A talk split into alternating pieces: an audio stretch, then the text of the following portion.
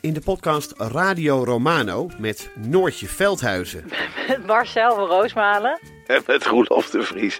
brengen we alle drie elke week een zogenaamde signalering mee. Wat heb jij nou weer bij je? En aan het eind bepalen we wie de winnaar van de week is. Echt een angstcultuur Lege huls die je er bent? Ja, dat gaat eigenlijk altijd onvriendelijk. Luister nu naar Radio Romano bij Podimo. Via podimo.nl slash Radio Romano luister je 30 dagen gratis. De strijd om de miljoenen van Siewert van Liende is losgebarsten. Zowel de staat als zijn stichting eisen de mondkapjeswinst terug. Maar dat die opbrengst in ieder geval niet thuis hoort bij Van Liende, daarover kan toch eigenlijk geen twijfel bestaan. Hoe kon het zo ver komen? Dit is het. We hebben beet. En als Siewert het geld teruggeeft, kunnen wij dit schandaal dan eindelijk loslaten? Je hoort het in de Mondkapjesmiljonairs, exclusief bij Podimo. Ga naar podimo.nl slash mondkapjes.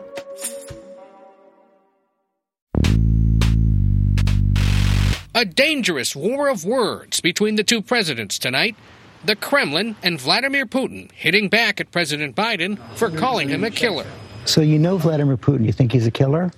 I do. Responding today in Moscow, Putin said, Кто как обзывается, тот так и называется. It takes one to know one. Dit is Betrouwbare Bronnen met Jaap Jansen.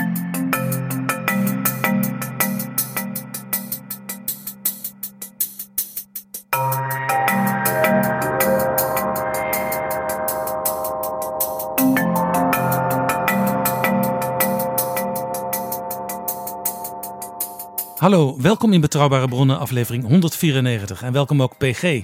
Dag Jaap. Voordat we beginnen wil ik eerst onze nieuwe vrienden van de show verwelkomen. Vrienden van de show zijn luisteraars die met een donatie deze prachtige podcast mede mogelijk maken. De nieuwe vrienden zijn Jeroen, Ivo, Duco en Koen. Heel erg bedankt. Wij gaan onvermoeibaar door. Wil jij ook met een donatie vriend van de show worden? En dat bedrag kun je zelf bepalen. De meeste mensen kiezen voor 3 euro per maand. Ga dan naar vriendvandeshow.nl slash bb. Vriendvandeshow.nl slash bb. De link staat ook in de beschrijving van deze aflevering. Jaap Jansen en Pieter Gerrit Kroeger duiken in de politieke geschiedenis. PG, op 16 juni ontmoeten Joe Biden en Vladimir Poetin elkaar in Genève voor hun eerste gezamenlijke top. Laten we het daarover gaan hebben, over Rusland-Amerika-toppen. En de stad Genève speelde daarin in de geschiedenis een hele bijzondere rol. Het is best wel spannend, die twee, Joe Biden en Vladimir Poetin, bijeen. Ze kennen elkaar, ze hebben elkaar al vaker ontmoet, maar het lijkt of ze elkaar niet mogen. Sterker, Biden noemde Poetin in maart nog een killer. En Poetin zei daarop: It takes one to know one. Je zou kunnen zeggen, ze zijn elkaar gewaagd. En het zijn beide natuurlijk het soort politici die daar stiekem wel van houdt. Biden heeft ook eens een keer gezegd: Ik heb Poetin in de ogen gekeken en ik zag dat hij geen ziel heeft.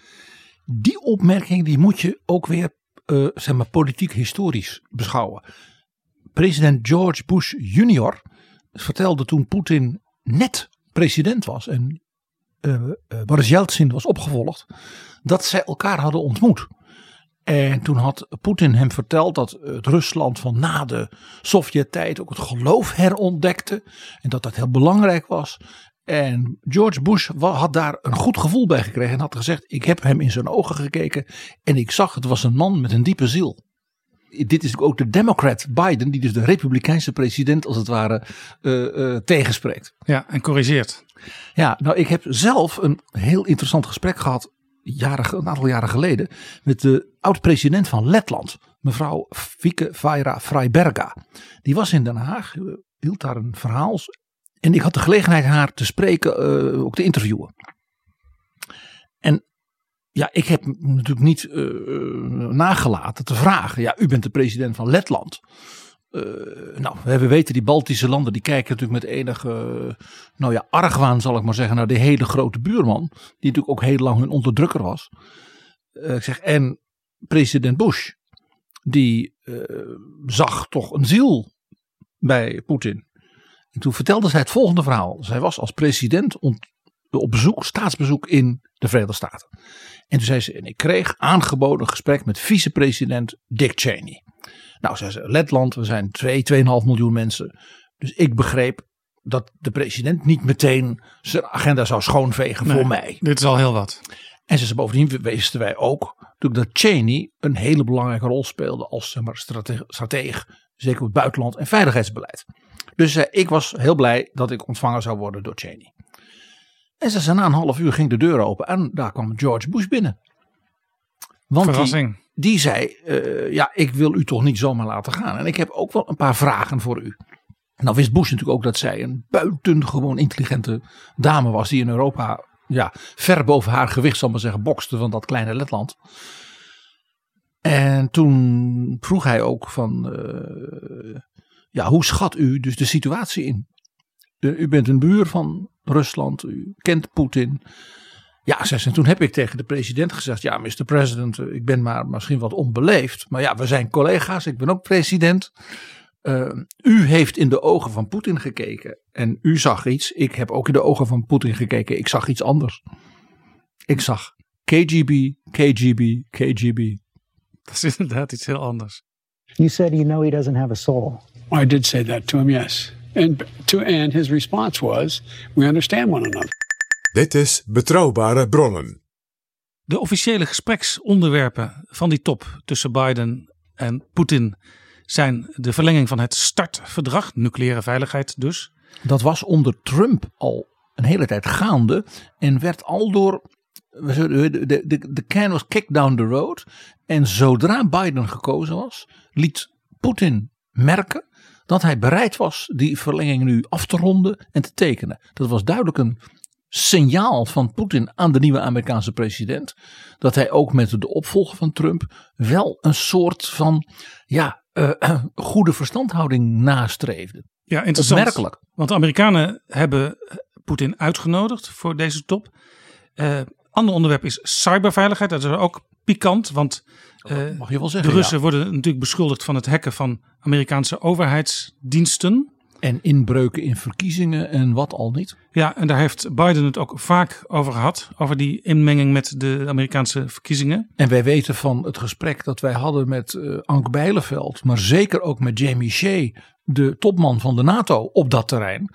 Dat dit iets is wat de Amerikanen ook als zeg maar, aanvoerders van het Westers Bondgenootschap zeer aangaat. Ja, er zijn nog een aantal andere voor de hand liggende onderwerpen die ter sprake zullen komen. De klimaatcrisis, de coronacrisis.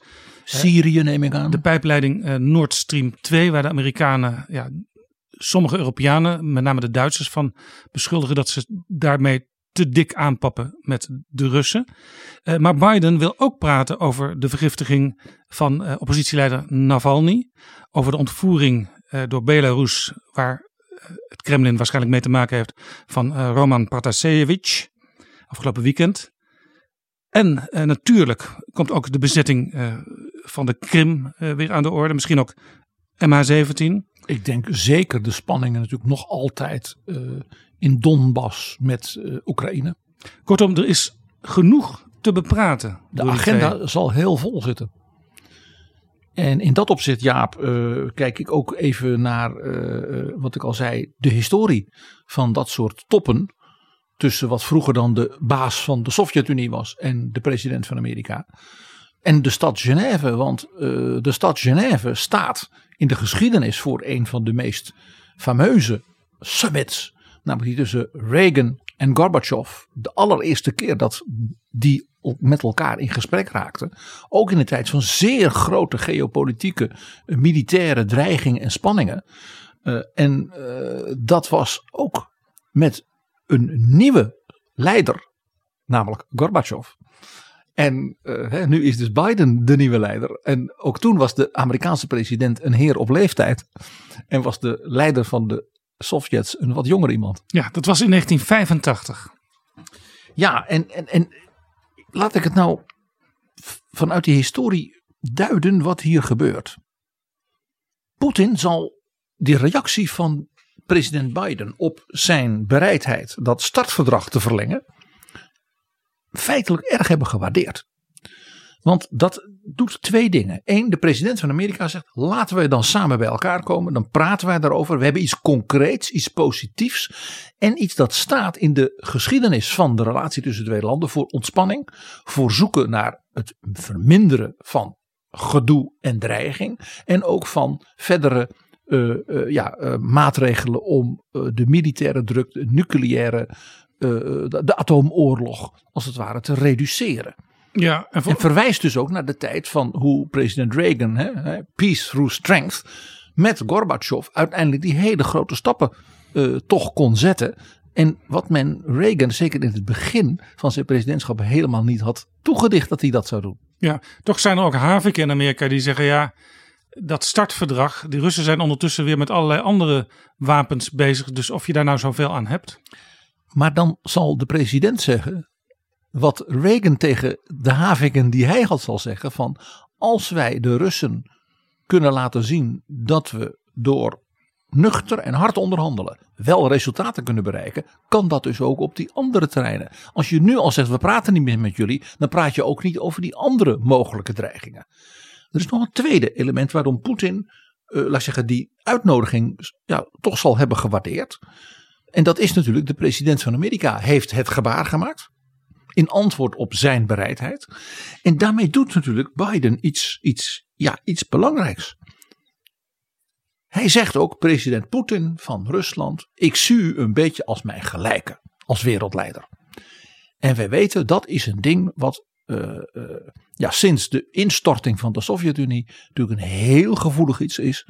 Dat was al bij Yeltsin, maar dat is nog veel erger bij Poetin geworden. Ja, het idee was in de Koude Oorlog natuurlijk, er is een bipolaire wereld. Je hebt de Amerikaanse pol en de Russische pol met al hun aanhang en satellieten. En ja, bij de ineenstorting van de Sovjet-Unie en daarna bleek dat Rusland, om maar iets te noemen, economisch helemaal niets voorstelde. Uh, alleen af en toe geld haalde uit bijvoorbeeld olie-export, gasexport. En dat het eigenlijk alleen vanwege de nucleaire dreiging uh, een zware rol speelde in de wereld. En in die glorietijden waar wij het uh, in de podcast al eens over hebben gehad. De, de tijden van Nikita Khrushchev. Toen was de Sovjet-Unie was toonaangevend in space. Ja, de Amerikanen holden er een beetje achteraan. Hè, in, dat, dat Kennedy aankondigde wij gaan naar de maan was vooral ook een gebaar van uh, we lopen niet achter hoor, we gaan ze inhalen. Was geen, in, op dat moment geen signaal van sterkte, om het maar zo te nee, zeggen. Maar jij zegt dus eigenlijk Poetin die kan in ieder geval nu op de korte termijn tevreden zijn. Rusland speelt weer mee in de Eredivisie. Ja, en daarbij speelt dat uh, Biden natuurlijk de vicepresident was van Obama. En ook in de memoires van Obama is deze president, oud-president, over Poetin en over Rusland een beetje, nou ja, neerbuigend, laat ik het maar zo zeggen. Hij zegt, ja, ik had als president van Amerika ermee te maken dat Rusland wel een enorme grote broek aantrok. Maar in feite die, was het een regionale mogendheid. Ja, dat doet zeer. Hè? Ja. U mag dan nog een beetje daar in uh, de Caucasus. En dan, hè, maar daar heeft u ook met iedereen ruzie.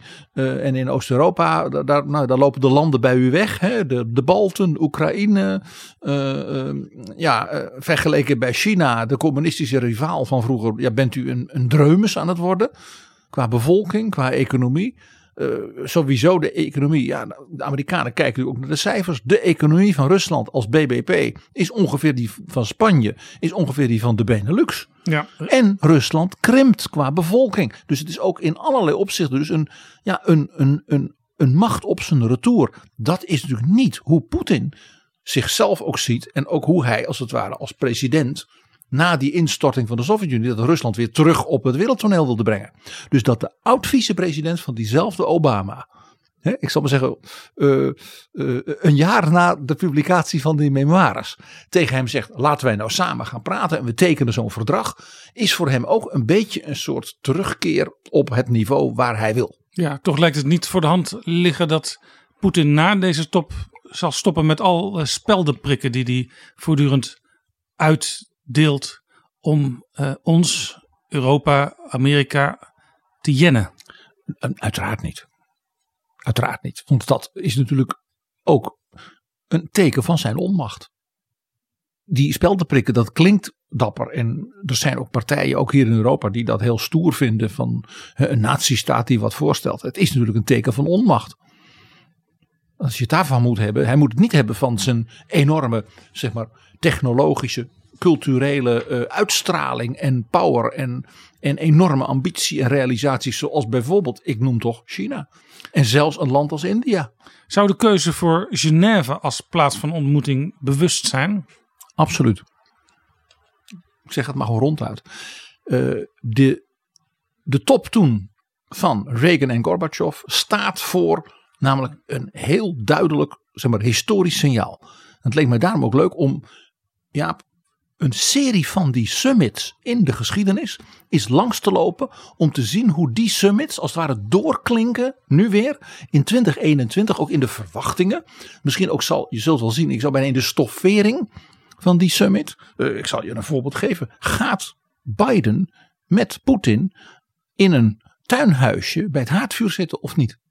Zelfs dat zal als symboliek onmiddellijk Omdat genoteerd worden. De vorige keer in 85 gebeurde. Ja, en toen gebeurde er iets heel bijzonders. Nou, nog zo'n dingetje. Uh, Genève dus als symbool van de echte ontspanning. En ook er ontstond zelfs een soort bromance hè, tussen Reagan en Gorbachev. Wie was ook alweer de eerste grote wereldleider die door Trump, waarvan iedereen zei dat is een Poetinman, werd ontvangen en nog wel bij hem thuis in Mar-a-Lago? Dat was niet Poetin. Dat was Xi. Weet je nog dat de kinderen van Jared en Ivanka toen Chinese liedjes zongen voor mevrouw Xi, want ze hadden op school Chinees geleerd? Dat vonden de Russen niet leuk. Dat Trump een soort obsessie met hè, China bad had, dat was ook duidelijk. Maar in feite gaf Trump daarmee aan dat hij dus president Xi, waarvan hij ook zei: Ik wou dat ik zoals president Xi ook voor het leven kon regeren. Hè, dat hij die als een groot voorbeeld zag. En niet alleen maar Vladimir Poetin. Dat deed zeer hoor. Het was weer net als, onder Obama en onder eh, Bush junior. Rusland ja, een beetje als tweede rangs. Het was misschien toch ook gewoon wel een moment van reaal politiek. Ook ingefluisterd en ingegeven door zijn directe uh, buitenlandadviseurs. Ja, die toen nog uh, Trump dachten te kunnen sturen. Ja, want ze zijn later allemaal één voor één en ook hun vervangers weer verdwenen. Dus Jaap, wat Biden hier doet, ook met de keuze voor Genève, hè, met dat, die historische allusie die daarin zit, is nog een keer als president van Amerika onderstrepen. President Poetin, ik wil met u praten. We gaan elkaar de waarheid zeggen. Hè, zie de agenda. We gaan ook iets belangrijks samen doen in het kader van nucleaire ontspanning, wapenbeheersing en dergelijke. Die verantwoordelijkheid hebben wij, beide. Daarmee zijn ze dus elkaars gelijken op het wereldtoneel. En hiermee maak ik dus ook symbolisch een eind aan het tijdperk Trump. In de verhouding tussen de Verenigde Staten en Rusland. Ja, een, een, aantal weken geleden werd al gezegd, ja, waarschijnlijk gaan die twee elkaar ergens ontmoeten. Waarom wordt niet dat pas bekendgemaakt als ze al weten dat het in Genève is? Of is die vooraankondiging ook een beetje bedoeld? Uh, Anthony Blinken, de minister van Buitenlandse Zaken van Amerika, en uh, Lavrov, de minister van uh, Rusland, die hebben het daar uitgebreid over gehad al. Of is dat ook een manier om even te kijken, ja, het gaat toch uitlekken, dus we kunnen het maar vast aankondigen. En misschien helpt het ook om een hele mooie plek te vinden. Nou, je moet die toch vooral zien ook als onderdeel van het onderhandelingsspel. Uh, het is ook altijd een beetje armpje drukken van waar doen we het dan? Ik zal daar in de geschiedenis, zelfs bij de allereerste summit ooit van een Amerikaanse president met een Sovjetleider straks uh, een, uh, nou, een verhaal van armpje drukken van waar gaan we het dan doen over vertellen. Je, je, je oren klapperen. Dus dat hoort ook weer bij een stukje van die geschiedenis. Weet je nog, Jaap, we hebben het erover gehad bij de val van de muur. Dat president Bush senior tegen Gorbachev zei: Wij moeten nu praten. Nu die muur is gevallen, die DDR stort in. Wij moeten voorkomen dat dit onbeheersbaar wordt dat ze uiteindelijk op een boot bij Malta in een winterstorm, omdat ze het niet eens konden worden waar ze dat zouden doen. Want het eerste idee was, zullen we dat in Berlijn doen? Ja, welk Berlijn? Oost of West? Nee, kan niet. Uh, doen we het in links? Ja, maar om iets op het, om het te doen bij, in een buurland van Duitsland, dan is het net alsof je kool niet vertrouwt. Ja, dus elke keuze daar was een suboptimale keuze. He, ze hadden het in het Vredespaleis in Den Haag natuurlijk moeten doen. Toen hebben ze uiteindelijk op een boot in Malta gedaan. En het was zo ongelooflijk slecht weer dat ze ook nog die ene boot niet konden gebruiken. Nou, dat geeft dus aan dat ook die keuze van waar doen we het, wanneer en in welke situatie, wat ik maar noem de ansenering, de stoffering van zo'n top, altijd deel is van het spel. En dat geeft dus aan, Jaap, dat een summit van de Amerikaanse president met zijn, zeg maar, opponent op het wereldtoneel altijd meer is dan alleen laten we eens even een gesprek voeren. Het is altijd ook een hoop bombarie eromheen. Ook van de media natuurlijk, maar ook dit soort dingen. Uh, letterlijk de aankleding, wie bepaalt de agenda, wordt er wel of niet een overeenkomst getekend. Ja? Dat betekent dat, die, dat dat zet ook druk op het afronden van het akkoord. Uh, en er ontstaat dus altijd een hoop legendevorming omheen er is natuurlijk altijd ook duiding achteraf van wat is er nou uitgekomen en wie heeft wat gezegd en wie heeft welk punt gemaakt. Ja, want we herinneren ons nog tamelijk recent Trump die als president in Helsinki Poetin ontmoette. En daar eigenlijk als een soort ja, adorerend schooljongetje naast de Russische president zat. En eigenlijk alles beaamde wat Poetin suggereerde. Sterker nog, er was een hele opmerkelijke persconferentie eh, bij die top. Waarin uh, gevraagd werd: ja, hoe zit dat nou eigenlijk? De Russen hebben zich toch met uh, onze Amerikaanse verkiezingen bemoeid. Dat, dat zeggen nota bene uw eigen veiligheidsdiensten, Mr. President. En toen zei Trump dit. There was no collusion at all. Uh, everybody knows it. People are being brought out to the fore. So far that I know, virtually none of it related to the campaign. And they're going to have to try really hard to find somebody that did relate to the campaign. That was a clean campaign. I beat Hillary Clinton easily. And frankly, uh, we beat her. Dat was president Trump. En Poetin die stond er eigenlijk alleen maar een beetje schaapachtig naast. Van ja, goed dat hij het zegt. Nou, die summit, die, dat is de laatste zeg maar, van de klassieke summits uh, in de reeks in de geschiedenis. Dus die, dat wordt onze Vlaamse broeders zouden zeggen het orgelpunt van dit verhaal. Want die summit en ook die persconferentie die is in allerlei opzichten historisch. Want ook Poetin werd toen door een zeer scherpe Amerikaanse journalist iets gevraagd. En het antwoord wat hij gaf, dat bewaren we voor het eind. En John Bolton, de buitenlandadviseur, de veiligheidsadviseur van Trump lange tijd die, uh, die was er ook bij. Althans, niet uh, in the room in where stoeltje, it happened. stoeltje ernaast. Zoals zijn memoires heten. Maar Trump deed heel veel uh, bilateraal één op één. Waar dus eigenlijk alleen maar een vertaler bij was. Of twee vertalers. En Bolton wilde natuurlijk na afloop precies weten wat er gezegd was. Nou, dat wilden de ministers. Dat wilde de commissie Buitenlandse de Senaat. En toen bleek dat de president de aantekeningen van de tolk had ingenomen. En tot de dag van vandaag is er geen zeg maar, Amerikaans protocol van het gesprek van twee uur van president Trump met president Poetin. En ik denk, ik heb er geen enkel bewijs voor, maar nou ja, een beetje vanuit dat, wereld, dat wereldje vanuit de historie en zo ook kennend. Biden voert dit gesprek nu met Poetin, omdat hij die protocollen wel heeft. Jij zegt Biden weet wat Trump en Poetin daar besproken hebben. Ja. Waar baseer je dat op? Nou, omdat anders de president van Amerika niet, ik zal maar zeggen, in, ins blauwe hinein met zo'n collega wereldleider gaat praten. Als hij niet weet wat er in die vorige keer, bewijs spreken op een aantal zeer gevoelige dossiers. Denk Oekraïne, denk Syrië, denk ook waarschuwen ten aanzien van cyberwar. Uh, uh, wat er toen is gezegd, beloofd. Misschien ook wel buiten de vergadering door techneuten uh, is afgesproken.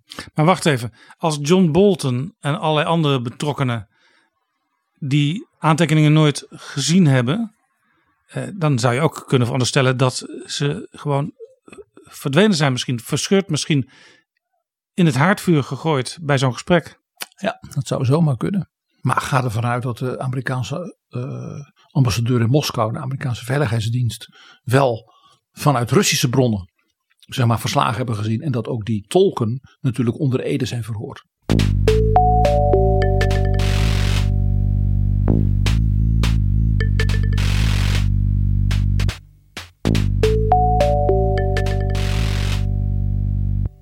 Hoe begon het ooit met de toppen tussen Amerika en Rusland? Niet.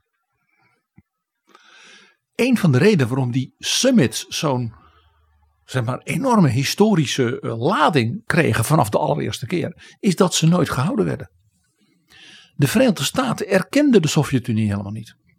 Terwijl allerlei andere landen dat wel deden, al in de jaren twintig.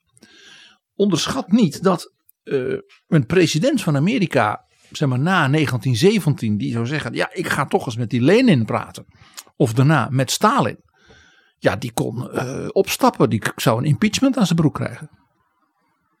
Er was bovendien natuurlijk 1919, 1920 in Amerika de zogenaamde Red Scare. Dat was een uh, ja, soort angst voor uh, communistische, terroristische aanslagen. er, was, er was ook allerlei gedoe gaande. En was onder andere het begin van de grote carrière van de man die dus dat helemaal organiseerde, de bestrijding daarvan. Namelijk een jong medewerker van de FBI, J. Edgar Hoover. Die werd daardoor de grote man.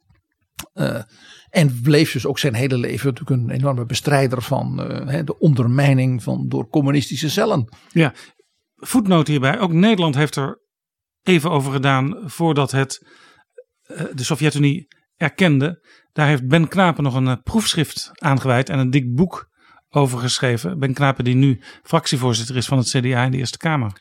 Ja, en daar speelde natuurlijk iets heel familiairs. Koningin Wilhelmina kon het niet hebben dat haar familie, de Romanovs, waren vermoord door de Bolsjewieken. Dat was iets heel persoonlijks. En wat ik in Nederland zeker ook speelde, was natuurlijk het sterk atheïstische karakter en ook propagandistisch atheïstische karakter van het communisme in die tijd. Terwijl dus allerlei andere landen, ja, ik zal maar zeggen, wat, wat, wat, wat, uh, ja, uh, realpolitieker redeneerden. Die zeiden, ja, je zult toch echt met uh, zo'n grote mogendheid moeten praten. Uh, ook vanwege de handelsbelangen die ja, er waren. Ja, vandaar dat je ook bij Nederland zou kunnen denken, nou ja, Nederland wacht geen seconde, want handel. Ja, maar zo zie je maar toch weer, hier won de dominee een keer. Je kunt de dag aanwijzen, Jaap, in de geschiedenis, dat als het ware de knop in één keer werd omgezet. En die dag die wordt zeer binnenkort, deze dagen, ook herdacht. Namelijk 22 juni 1941. Nu precies 80 jaar geleden. Wat gebeurde er toen? Toen viel de Weermacht de Sovjet-Unie binnen. De beroemde operatie Barbarossa. Dus de poging van de Weermacht uh, van Hitler om uh, ja, in feite Rusland te veroveren. En vooral ook het Sovjet-regime uh, ja, te, onthoofden bij, bij wijze van spreken. Door het Rode Leger te verslaan. De gedachte was dat men tot de Oeral zou oprukken. En de olie in uh, wat wij nu Azerbeidzjan noemen, dus aan de Kaspische Zee, zou veroveren. Een soort Eurasiatische mogendheid, die we dan als het Derde Rijk zijn gaan kennen.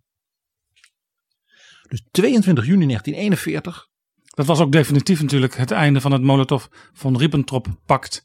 Waarin uh, de Duitsers en de Russen elkaar beloofden niet aan te vallen. Dat was een niet-aanvalsverdrag. En minstens zo belangrijk, uh, dat was een leverantieverdrag. Waardoor de Weermacht en de Luftwaffe dus van olie en alle mogelijke grondstoffen waren voorzien voor hun veroveringsoorlogen. De Sovjet-Unie is veroverd bijna hè, tot de stadsrand van Leningrad, Moskou en Stalingrad met zijn eigen spullen. Die vriendschap uh, van die twee heersers was natuurlijk geen bromance, maar was keiharde, ijskoude calculatie van machtsbelangen. Ja, vriendschap is een droom, een pakketje schoot met een dun laagje chroom. Ja, if you want a friend in DC, take it all. Ja, nou ja, en, en natuurlijk hier speelde ook dat uh, de Sovjet-Unie onder Stalin, uh, doordat uh, de Duitsers als het ware druk waren in het Westen, natuurlijk twee dingen tegelijkertijd kon realiseren. Eén, een enorme uitbreiding van zijn macht in zijn omgeving. De Baltische landen werden onderworpen, een groot deel van Polen. Men poogde ook Finland te onderwerpen. Er is in de Caucasus, uh, daar weten we veel minder van, maar ook bijvoorbeeld in Iran heeft men uh, militaire acties gedaan. En men heeft zelfs een zeer forse militaire confrontatie gehad met Japan in Manchurije. Dus de Sovjet-Unie heeft als het ware van de gelegenheid gebruik gemaakt, om zo te zeggen, om in zijn, aan zijn randen zijn macht te vergroten. Men heeft ook een deel van Roemenië ingenomen bijvoorbeeld. En het idee was natuurlijk heel uh, ja, ja, Leninistisch van redenering. Laat de kapitalisten, dus de Engelsen, de Fransen en de Duitsers, maar lekker met elkaar strijden, want dat bevordert de wereldrevolutie. En waarom wilde FDR, Franklin Delano Roosevelt, Stalin dan toch helpen? Roosevelt had daarvoor twee belangrijke redenen. Ten eerste, Roosevelt was ervan overtuigd dat Nazi-Duitsland het grote gevaar was. Dus dat was een pure strategische overweging. Waarschijnlijk ook vanwege het beeld wat ze wel registreerden, eh, dat dat land heel snel zich economisch en militair opbouwde. Ja, en de schrik zat er natuurlijk in Amerika enorm in met de val van Frankrijk. Het beeld was natuurlijk altijd geweest dat Frankrijk een onverslaanbaar ja, grande armée had. Eh, nou ja, dat was in een paar weken ja, een drama geweest. En ja, de Britten ja, die bleven overeind door uh, de Royal Air Force en natuurlijk door de Navy. Maar hoe lang nog? En zou dat empire overeind blijven? Dus uh, de Amerikanen hadden zoiets van, ja, en ook heel tactisch, als de Sovjets en de nazi's met elkaar vechten, dan hoeven de Amerikaanse jongens misschien voorlopig niet. Hè, op dat moment was Japan nog uh, uh, neutraal. Ja, nee, maar wacht even. als de nazi's en de Sovjets met elkaar vechten, dan hoef je dus Stalin niet te hulp te komen. Ja, tenzij je bang bent dat Hitler opnieuw een blitzkrieg-overwinning heeft.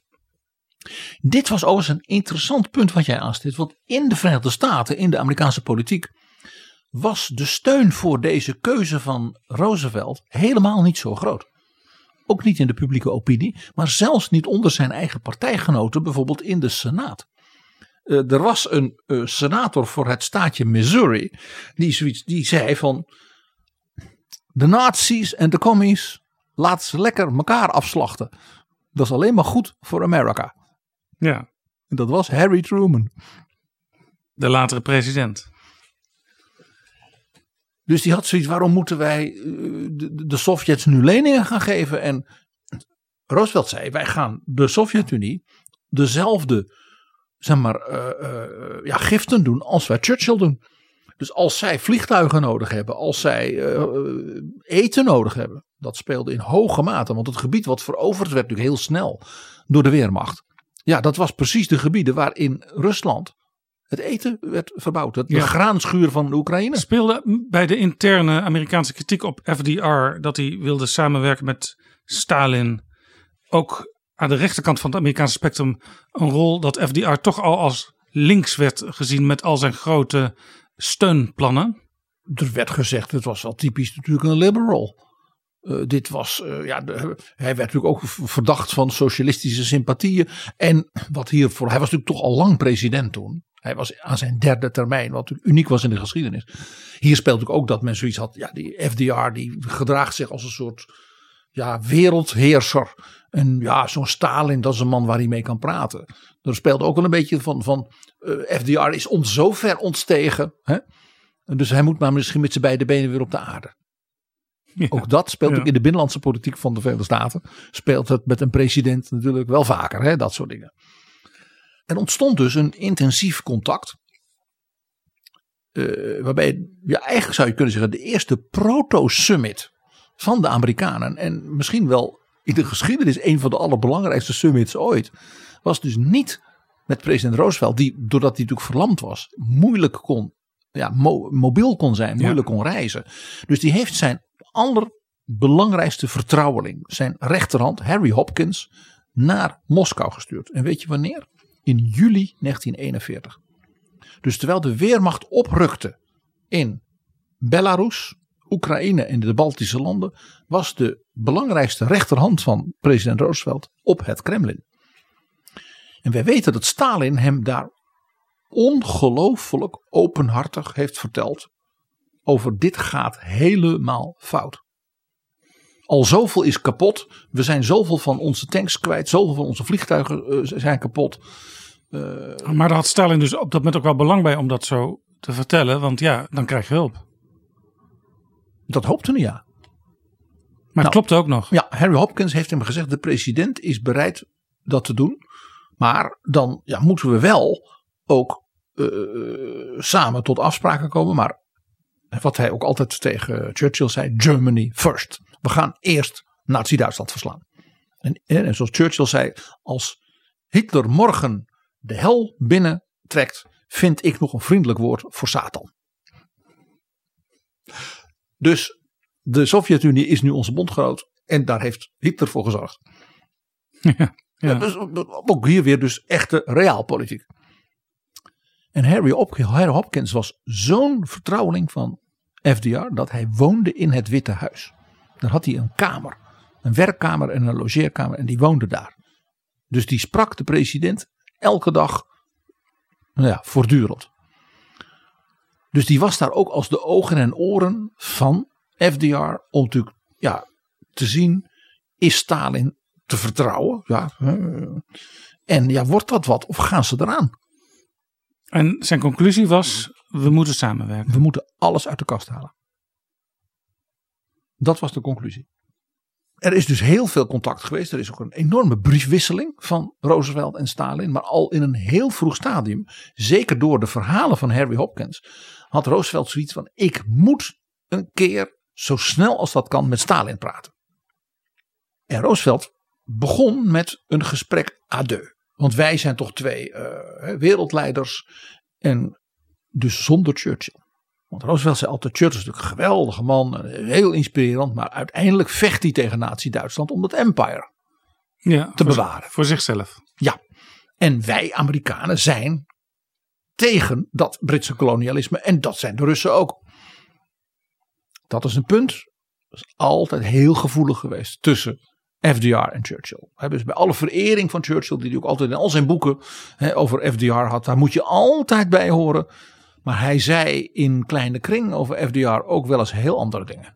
Nou, je begrijpt, zolang in 1941 de opmars van de Weermacht tot de buitenwijken van Moskou, ja, de belegering van Leningrad en in 1942 tot aan de Wolga, tot aan de stad Stalingrad, die in puin kwam, uh, vernoemd naar de grote leider zelf, kon natuurlijk Stalin niet weg.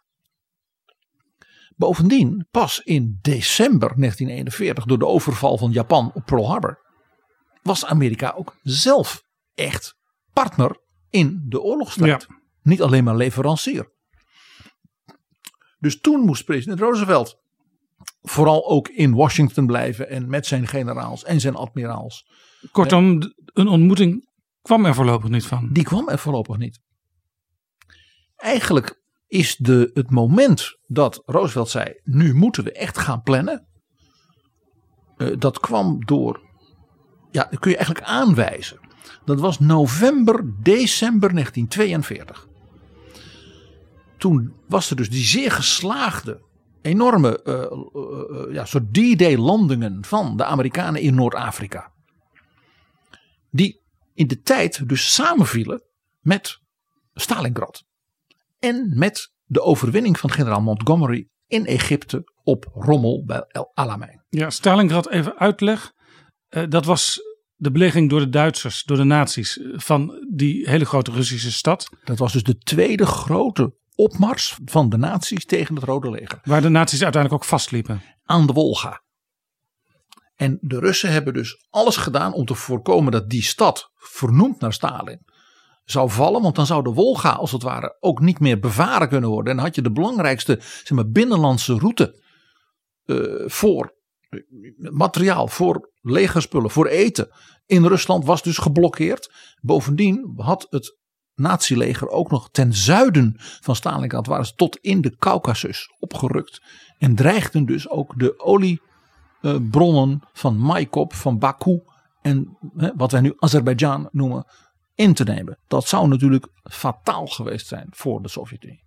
Ja, maar net niet. De Duitsers die stuiten dus op een aantal fronten op het maximum van hun kunnen. Overstretched power, zoals dat dan heet.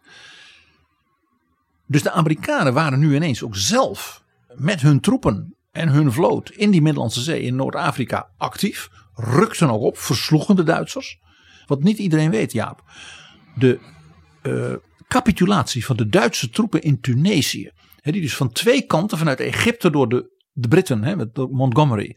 En vanuit zeg maar, Algerije uh, in Tunesië, als het ware, werden samengeperst. Waarbij dus Rommel heeft moeten vluchten in opdracht van Hitler naar Duitsland. Uh, die capitulatie heeft meer Duitse soldaten in gevangenis gebracht dan de capitulatie van het zesde leger aan het oostfront in Stalingrad.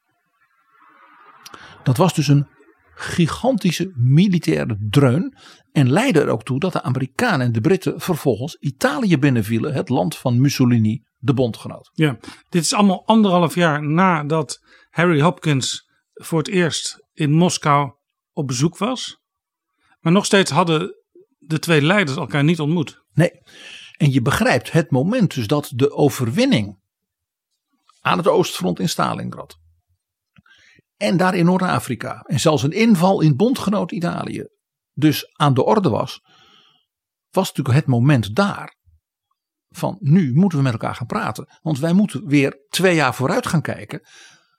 Wat gaan wij nu doen om Nazi-Duitsland definitief te verslaan? En misschien ook al een beetje nadenken over de nieuwe wereldorde daarna. En de machtsverhoudingen. Ja, wat zal Stalin gaan eisen ja, ter compensatie van al die verschrikkingen? Uh, hoeveel plunderingen, om maar even zo te zeggen. En er was nog iets. FDR had een heel eigen agendapunt. Hij wilde dat de Sovjet-Unie ging meedoen tegen Japan. De Sovjet-Unie en Japan hadden namelijk een neutraliteitsverdrag. Net als Stalin dat met Hitler had gehad. En dat gold nog steeds. Een detail, Jaap. Om je een idee te geven. Amerikaanse piloten die bombardementen hadden gepleegd op Japan. En met hun vliegtuig waren neergestort en als het ware dan in Siberië waren terechtgekomen. Daar waren geland of met, uh, met de parachute. Die werden dus dan als Amerikanen die Japan hadden gebombardeerd. Gevangen genomen door de Sovjet-Unie en in gulagkampen gestoken. Die werden niet als bondgenoot teruggestuurd naar, naar hun familie in Iowa die zaten in de Gulag-archipel. Vanwege die neutraliteit. Ja. Stalin was in dat opzicht een volstrekte gewetenloze heerser. Dus je begrijpt, ook, ook dit laatste punt was natuurlijk een dingetje, om het even zo te zeggen, voor Harry Hopkins en de president, om toch even met Stalin te regelen, om het maar even zo te zeggen. Ja, ja. ja een vuiltje dat moest worden weggewerkt. Kortom, er moest een summit komen. En er was één iemand die dat heel graag wilde en dat was FDR. Die zei tegen Churchill: Ik wil met Stalin praten. En nou, Churchill, nou, veel, nee, nee, je mag mee, je mag mee, vooruit dan maar. Maar ik ga, ben ervan overtuigd dat ik met Stalin kan praten.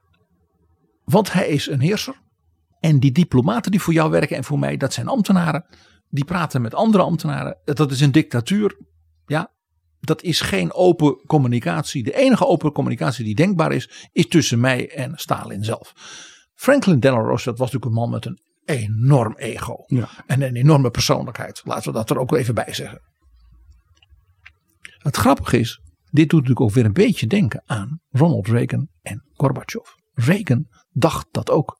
En jij weet, Reagan was een enorme fan als jonge in, man in Hollywood van Franklin Delano Roosevelt. Hij was toen een democrat. Was uh, Roosevelt ook bang voor Stalin? Nee.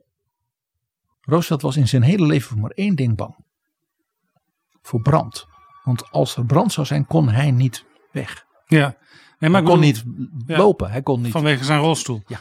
Maar um, kijk, in, nu zeg maar in de historie zien wij uh, Stalin en Hitler ongeveer op hetzelfde niveau als, als vrede dictator. Uh, was dat toen niet zo? Ja, maar dat was, dat, daarin was, dat was Roosevelt de volstrekte uh, uh, machtpoliticus. Ja, hij dacht uh, uiteindelijk heb ik zoveel macht. Ik wil dat gesprek wel aangaan. Ja, en hij noemde dus Stalin ook wat spottend Uncle Joe. Joseph Stalin. Ja, Uncle Joe. ja. Als een soort familielid.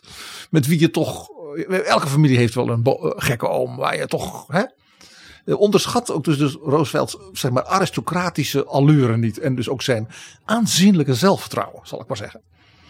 Nou, we hadden het eerder al over. Waar doen we dat? Dat was een gedoe. President Roosevelt zei: U zit daar in Moskou, ik zit in Washington. Als wij elkaar nou eens op de grens ontmoeten, dus in de straat van Bering in Alaska. U kunt dan daarheen, dat is voor u te doen. Het is uwzelfde land, het is voor mij ook te doen. Dan hebben we ook de tijd, kunnen we met elkaar praten. Stalin zei dat gaat niet gebeuren. Ik kan niet weg van het front. De troepen kunnen niet strijden zonder dat ik in de buurt ben. Flauwekul natuurlijk. Hij zat natuurlijk toch meestal gewoon in Moskou. Ja. In de voor hem aangelegde bunkers in de metro.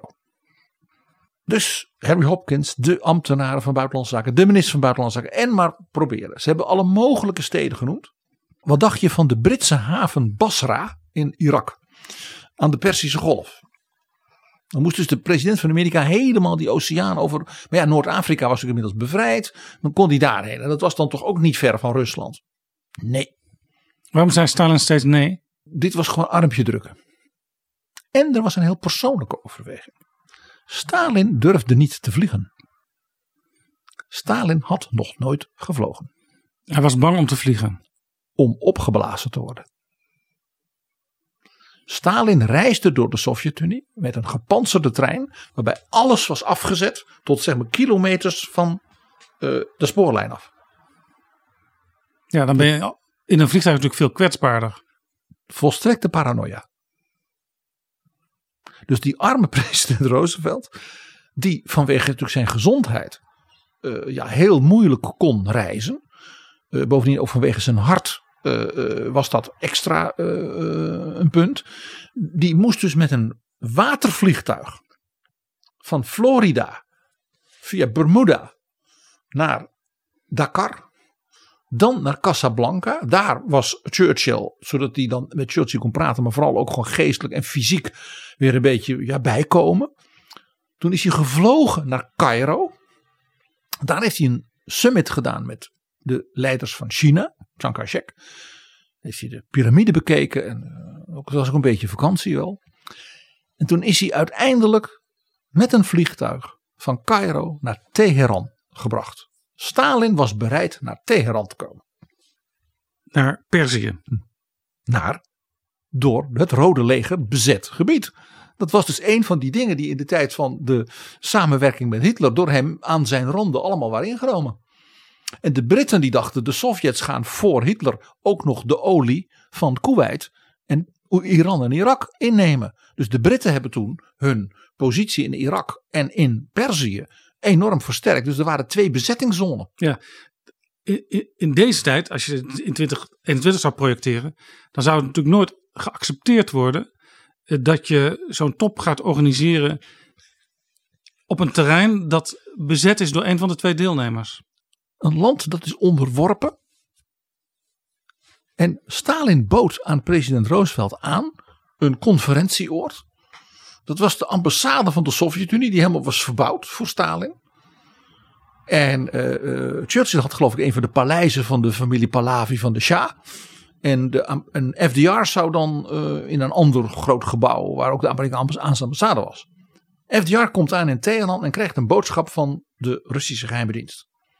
Uh, er waren nazi-saboteurs onderweg in Teheran en die dreigden een aanslag te plegen op de president en op Churchill en op Stalin. Dus er zat maar één ding op. President Roosevelt moest ook in dat Russische kampement, dus in die ambassade met die bijgebouw van Stalin maar logeren. Waarop de sta Roosevelts omgeving zei: we worden dus volledig afgeluisterd. En bovendien, we, we, hebben iemand nodig die zijn eten proeft. Ja, dat, dat ga je dus niet doen. Dat heeft hij wel gedaan. Zoals ik al zei, Roosevelt was niet bang.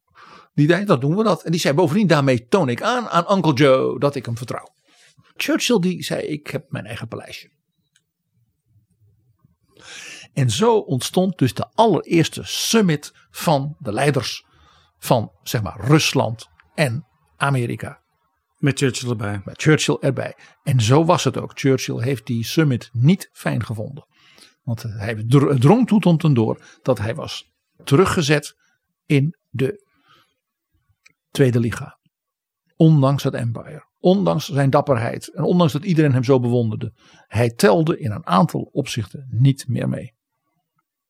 Het was Roosevelt die met Stalin de strategie bepaalde van hoe gaan we Hitler verslaan.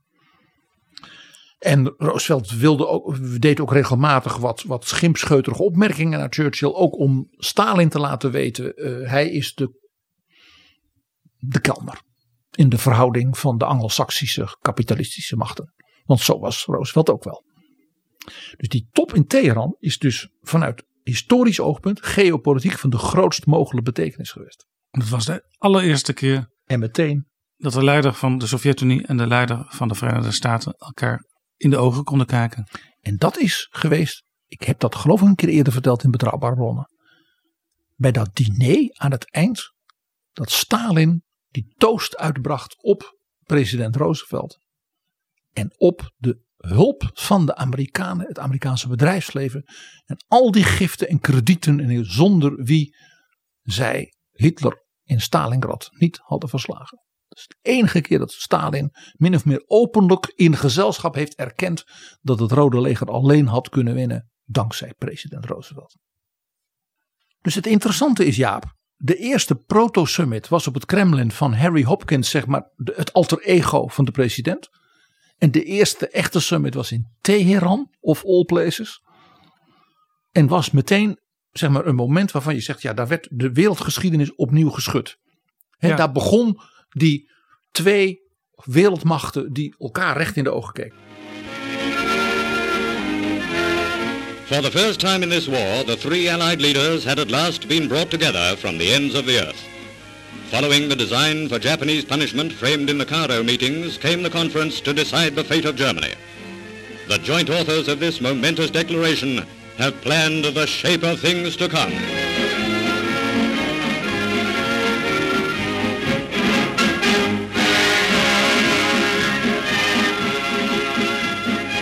Allied Chiefs of Staff have formulated operational plans so gigantic in scope that students of war are already forecasting a crushing all-out offensive involving many millions of men.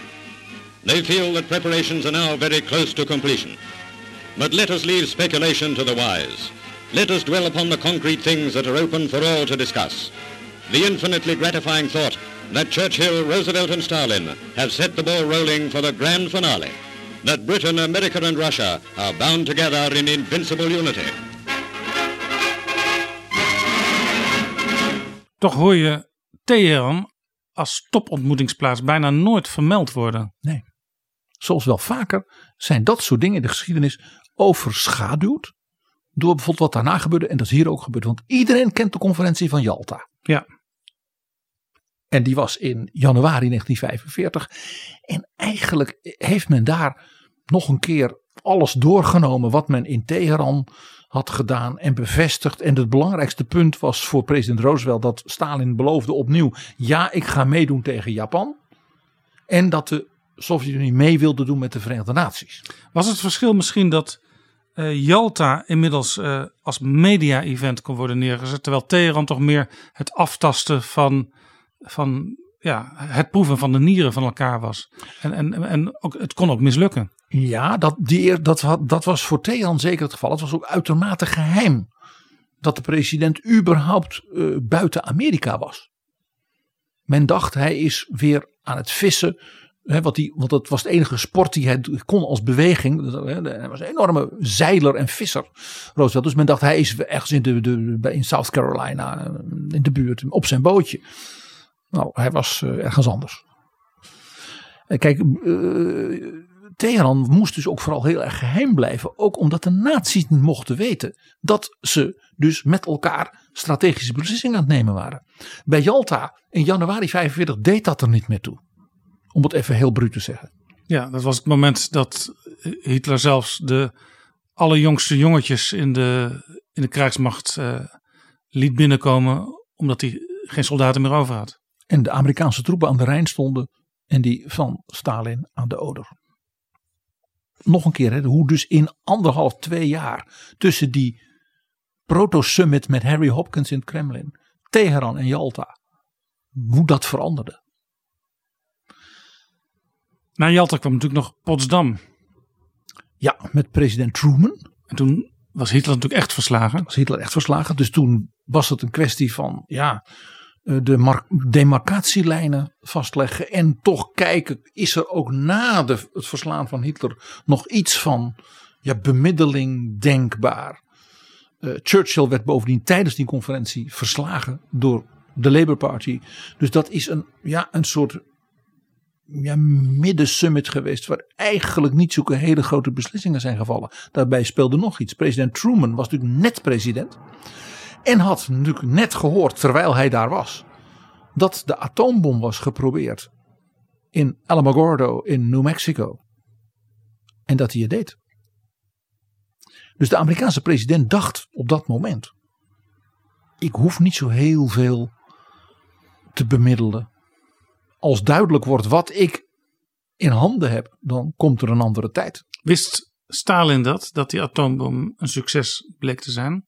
Dat is zo'n mooi verhaal, Jaap.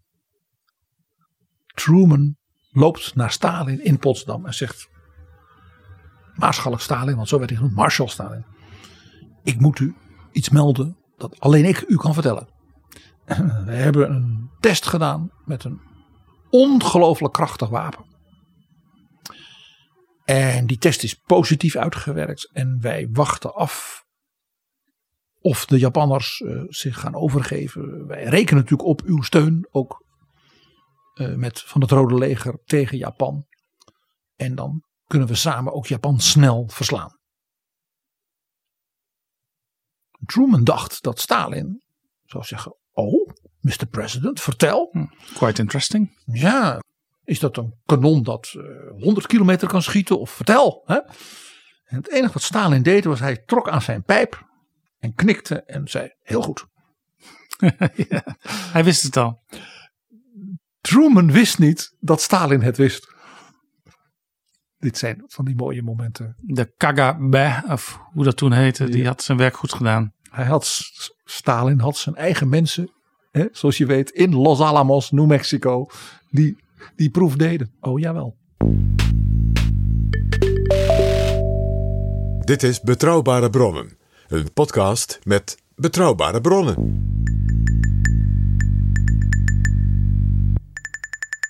Nou, daarna, Jaap, kunnen we eigenlijk de geschiedenis uh, een hele tijd overslaan. Hij volgde geen toppen.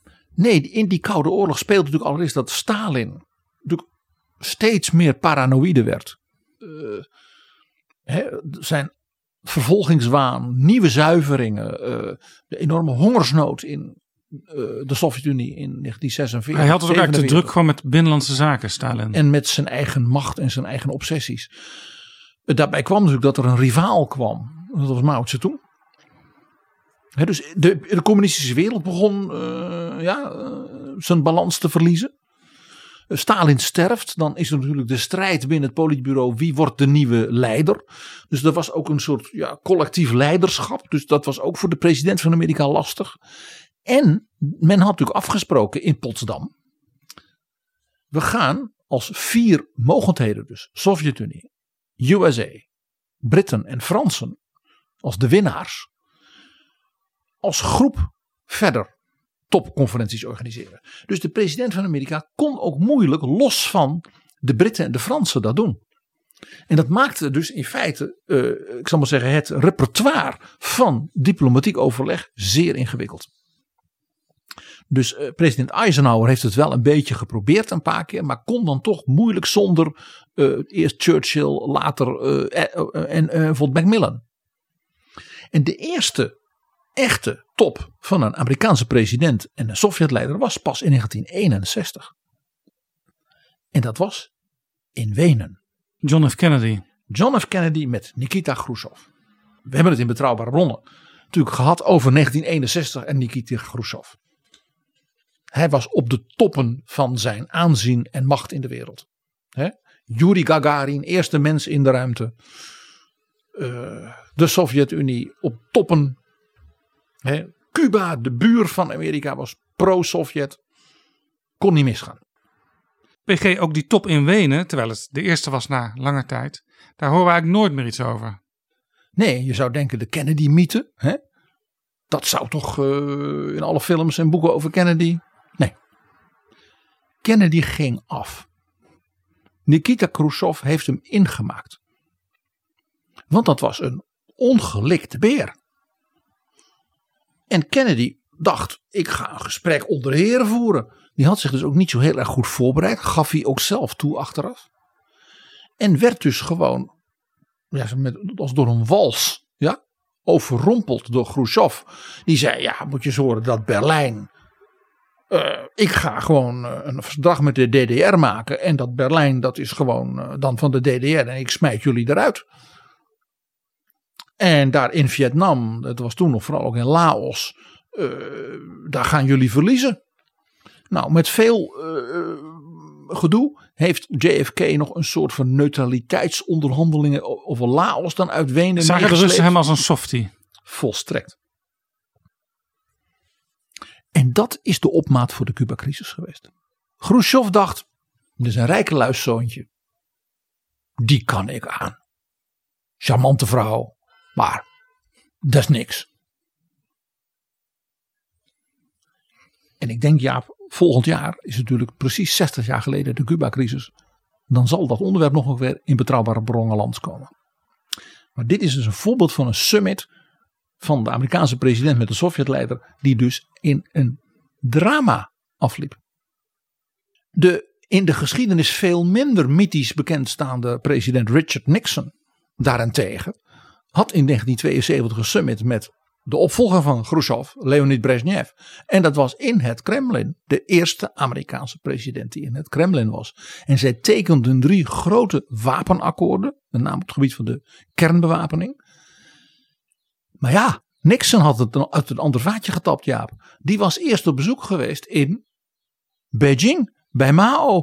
Nou, dat was iets natuurlijk niet wat de Russen wilden. Precies als Poetin nu ook. Wij zijn niet zomaar een tweede rangs mogelijkheid. Die zeiden die Amerikanen gaan verdelen en heerspelen tussen de twee communistische heersers. Dat willen we niet. Ja, wel slim van, van Nixon. Nixon voerde een zeer gewaagde, gedurfde internationale politiek. En toen hij dus in dat voorjaar van 72 eerst in China was bij Mao. En daarna in het Kremlin en die vredesonderhandelingen en die wapendingen tekende. Net na het uh, wapenstilstand in Vietnam. Ja, dat was voor zijn herverkiezing natuurlijk een eitje. Die man ging de verkiezingen in als de, de vredespresident. Die had een eind gemaakt aan het vreselijke Vietnam. Mao was nu zijn vriend. Brezhnev wilde met hem ontspanning. Kon niet beter. Ja, dus die demonstrerende studenten in eigen land stonden eigenlijk met lege handen. Onze beeldvorming van Richard Nixon is natuurlijk ook door wat er daarna gebeurde een beetje een andere. Maar hier zie je dus, dit was, een, dit was de belangrijkste zeg maar, summit sinds Teheran. Ja, en de ontspanning begon echt vorm te krijgen.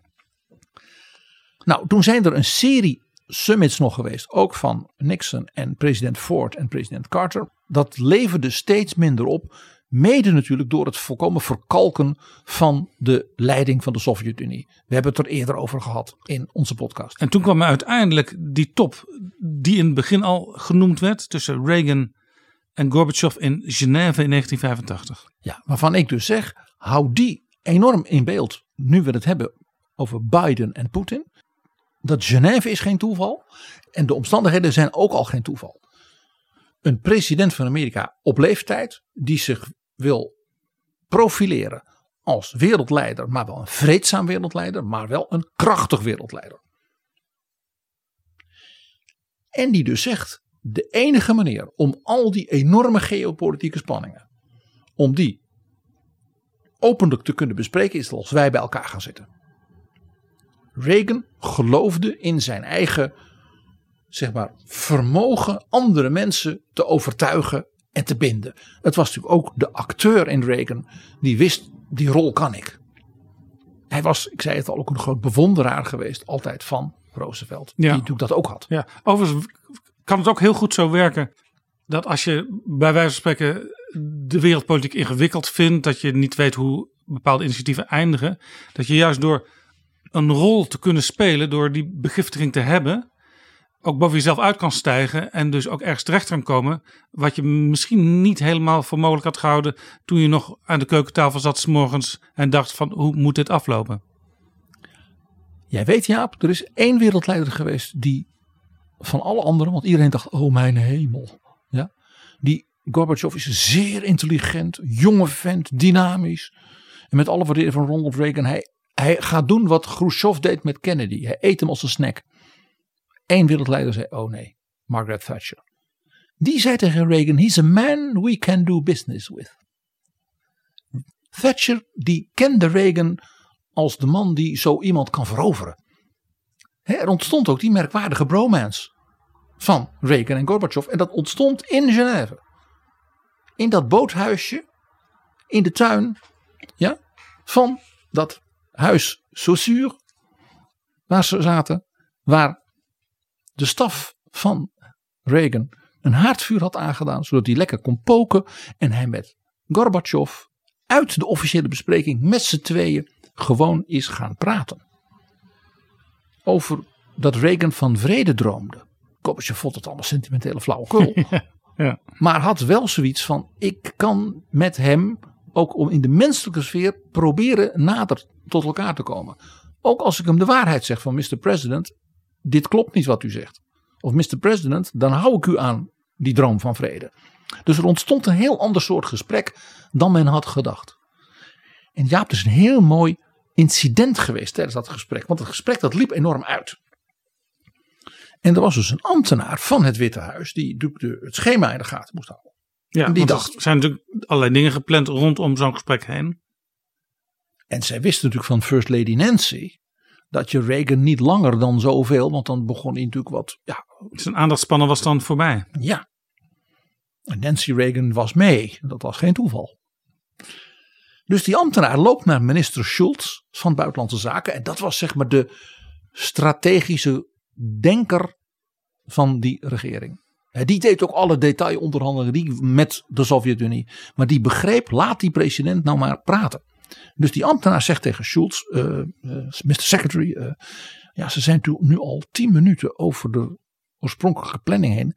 Is het misschien een goed idee dat u naar binnen gaat om te zeggen dat ze moeten afronden? Schultz sprak toen de prachtige en historische woorden tegen die ambtenaar. If you think so, then you shouldn't have this job. Prachtig. Schultz dacht, laat ze praten. We zien wel wanneer ze naar buiten komen. Want dit duidt erop dat er iets van een verbinding tussen die mensen is. En hier moeten wij de naam van één hoogleraar noemen, Jaap. Susan Massey. Reagan is geïnspireerd geraakt, dat wist niemand, door deze hoogleraar, zeg maar Russische taal, geschiedenis en literatuur. Die was op haar bezoeken in Rusland ervan doordrongen dat de Russische bevolking ook door dus de komst van Gorbachev en het eind van dat Brezhnev-regime, die verkalking, snakte naar iets nieuws. Snakte naar verbinding, snakte naar ja, iets van perspectief. En die heeft zich gewoon gemeld op het Witte Huis. En Schultz heeft toen gezegd, praat u maar, Mr. President, met deze professor. Er zijn, ik geloof, meer dan twintig gesprekken geweest op het Witte Huis van professor Messi met Reagan en natuurlijk ook met Nancy Reagan erbij. En waar gingen die gesprekken over? Over literatuur. Over de Russische kunst. Over dat de Russische mensen heel gelovig zijn. Dat vond Reagan heel belangrijk. Dat ze naar vrede snakten. Dat ze arm zijn. Dat er niks te koop is. Dat de Russen een grootse cultuur hebben. Waar de Amerikanen ja, jaloers op kunnen zijn. Kortom, dat... zij kantelde ook het beeld wat veel Amerikanen van Russen hadden. Namelijk als een soort amorfe massa die allemaal dezelfde richting uitmarcheert als deels slaven en als deels als uh, uh, nou ja, uh, moordlustige fanaten. Ze zei de gewone Rus wil wat iedere Amerikaanse boer en iedere Amerikaanse familie in de suburbs wil. En Reagan raakte gefascineerd door die verhalen. En vandaar dat Reagan ook altijd bij al die summits en gesprekken met Gorbachev van die Russische spreekwoorden aanhaalde. die had hij van deze professor geleerd. Dobrovaj ne probovrij. Trust but verify. dat Gorbachev dan zei, dat zegt u elke keer. Reagan toen, die onsterfelijke woorden van Reagan, yes, because I like it. maar dat gaf, dat gaf dus ook aan iets van het gemak wat daardoor tussen die twee mensen ontstond. Dat dus Joe Biden de stad Genève kiest, is een signaal dat hij tegen president Poetin zegt: Wij hebben een vergelijkbare verantwoordelijkheid als toen Ronald Reagan, geen democrat, en Gorbachev, de man van glasnost en perestroika, maar een Leninist, en dat bent u ook niet. Dus dit is heel symbolisch. Dus ik ben heel benieuwd of ze ook bij zo'n haardvuur gaan zitten. Het zou toch wonderlijk zijn als Poetin ineens een hele andere houding inneemt dan wij van hem kennen. Hij heeft ook met een andere president te maken. Kijk, toen in Helsinki, dat was op 18 juli 2008. Hij werd nu niet uitgedaagd door Trump. Nee, hij had hem in zijn achterzak. Om je een idee te geven, Jaap. Op 18 juli 2018, dus dat is nu drie jaar geleden, traden Trump en Poetin samen op in Helsinki. En bij de persconferentie, na dat gesprek waarvan niemand dus weet, twee uur lang, wat er nou eigenlijk is gezegd, waar dat gesprek over ging, kreeg president Poetin een vraag van een Amerikaanse journalist. En die zei: President Poetin, voor ons als Amerikaanse media is er ja, een punt, en dat moeten we u gewoon vragen. Is het waar dat u beschikt over compromitterend materiaal over Donald Trump? Ja, een Amerikaanse journalist vraagt dat soort dingen. Anders mag je ook niet meer terugkomen op zijn uh, hoofdkantoor van zijn krant of van zijn televisiemaatschappij. Dat denk ik ook. Je moet wel durven hoor. Zo'n vraag gaat er niet komen met president Biden. En ook het antwoord niet. Want wat was het antwoord van Vladimir Poetin, Jaap? Poetin die begon te grinniken. Hij zei, ach, de heer Trump en zoals hij, er komen vele zakenlieden uit Amerika naar Rusland, naar Moskou. Dus dat is lang geleden. En meer heeft hij niet gezegd. Dus hij zette Donald Trump, waar hij bij stond voor de Amerikaanse pers, het Amerikaanse volk, in de hoek als een mislukte zakenman, waar hij als president van Rusland, boah, en in feite zei hij dus, tuurlijk heb ik compromitterend materiaal. Want dat heb ik van alle lieden die in Rusland zaken willen komen doen. Trump kon uit dommigheid nog denken van, uh, nou ja, hij beschadigt me niet verder in ieder geval. Nou, er is verder niet meer over gediscussieerd. Overigens, jij zegt, er zal niks gevraagd worden aan Poetin over Biden. Poetin heeft natuurlijk wel informatie over Hunter Biden, die in Oekraïne allerlei zaken heeft gedaan, die hij waarschijnlijk alleen kon doen en waar hij veel geld mee verdiende, omdat zijn vader destijds de vicepresident van Amerika was. Ja. En daar weet Poetin waarschijnlijk heel veel van. En hij zal wel uitkijken om dat uit te spelen. Want dit, dit soort dingen werkt natuurlijk volkomen averechts. Ook uh, trouwens, Poetin werd nog iets gevraagd door Reuters bij die persconferentie. Is het waar dat u wilde dat president Donald Trump in 2016 zou winnen van Hillary Clinton? Want Trump had gezegd: Poetin is bang voor mij. Er is nog nooit iemand zo streng, zo taf geweest. Want ik ben een zakenman tegen de Russen. En Poetin heeft ijskoud, zoals we dat ook van hem gewend zijn, zei: Ja, zeker wilde ik dat Trump won. Het is toch niet te geloven, ja. En ze zei: Waarom? Nou, zei hij: Kijk, de manier waarop hij praatte over de verhouding tussen Rusland en de Verenigde Staten Daarin zat dat hij weer een normale verhouding wilde. President Putin, did you want President Trump to win the election? Yes, I did. Yes, I did. Because he talked about bringing the Russian relationship back to normal, Putin said. Men was dan ook gechoqueerd door deze uh, summit. En het feit dat de president onvoorbereid zomaar daarheen ging. John Bolton vertelt onder andere dat hij zijn briefingspapieren zo slecht had gelezen dat hij dacht dat de president van Finland, een land van de EU, dat dat een vazalstaat dan wel een onderdeel van Rusland was. Dat moest hem worden uitgelegd. De Finnen, toen dat boek van Bolton uitkwam, dat heeft, is gechoqueerd geweest in Helsinki. En misschien wat het meest interessante was de reacties van een van de meest ervaren Amerikaanse zeg maar, adviseurs van vele presidenten, Waaronder die van Ronald Reagan, David Gurgen. En ik ga nu gewoon even letterlijk voorlezen wat hij zei over de manier waarop dus Trump en Poetin daar stonden. En hoe Trump dus, ja, eigenlijk had gezegd, ja, die Poetin die heeft gelijk. En, uh, hè. Ja, David Gurgen, die later ook op televisie vaak als commentator optrad. Wat trouwens veel oudgedienden uit allerlei uh, Amerikaanse regeringen doen. En heeft voor dus president dus van, ook, meerdere partijen, dus ook voor Clinton gewerkt. Ja, tot zijn grote verbazing zag hoe dat daar allemaal ging in Helsinki. Ja, en dus vele presidenten had begeleid daarin. Ik lees voor. I've never heard an American president talk that way. But I think it's especially true that when he's with someone like Putin, who is a thug, a world class thug, that he sides with him again and again against his own country's interest. Kortom, de geschiedenis van die summits, Jaap, maakt wat er nu gaat, staat te gebeuren. En zelfs de plek en de hele, zeg maar, wat ik noem de stoffering ervan, van ongelooflijke betekenis. En tegelijkertijd zie je dus dat Biden ook een aantal voorbeelden uit het verleden heeft van heel verschillende presidenten van ook heel verschillende partijen. Een Nixon zelfs. Ronald Reagan en zeker ook FDR. Waar hij ongetwijfeld in zijn voorbereiding met zijn mensen nog eens heel goed naar zal kijken.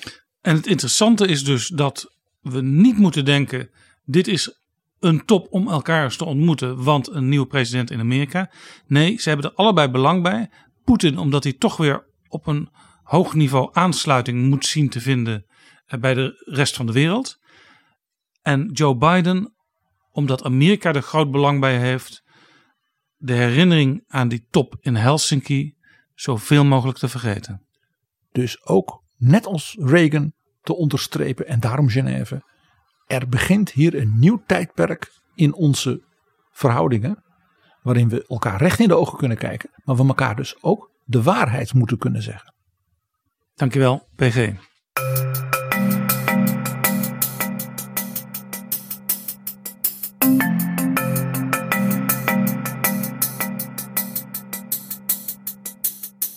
Zo, dit was Betrouwbare Bronnen aflevering 194.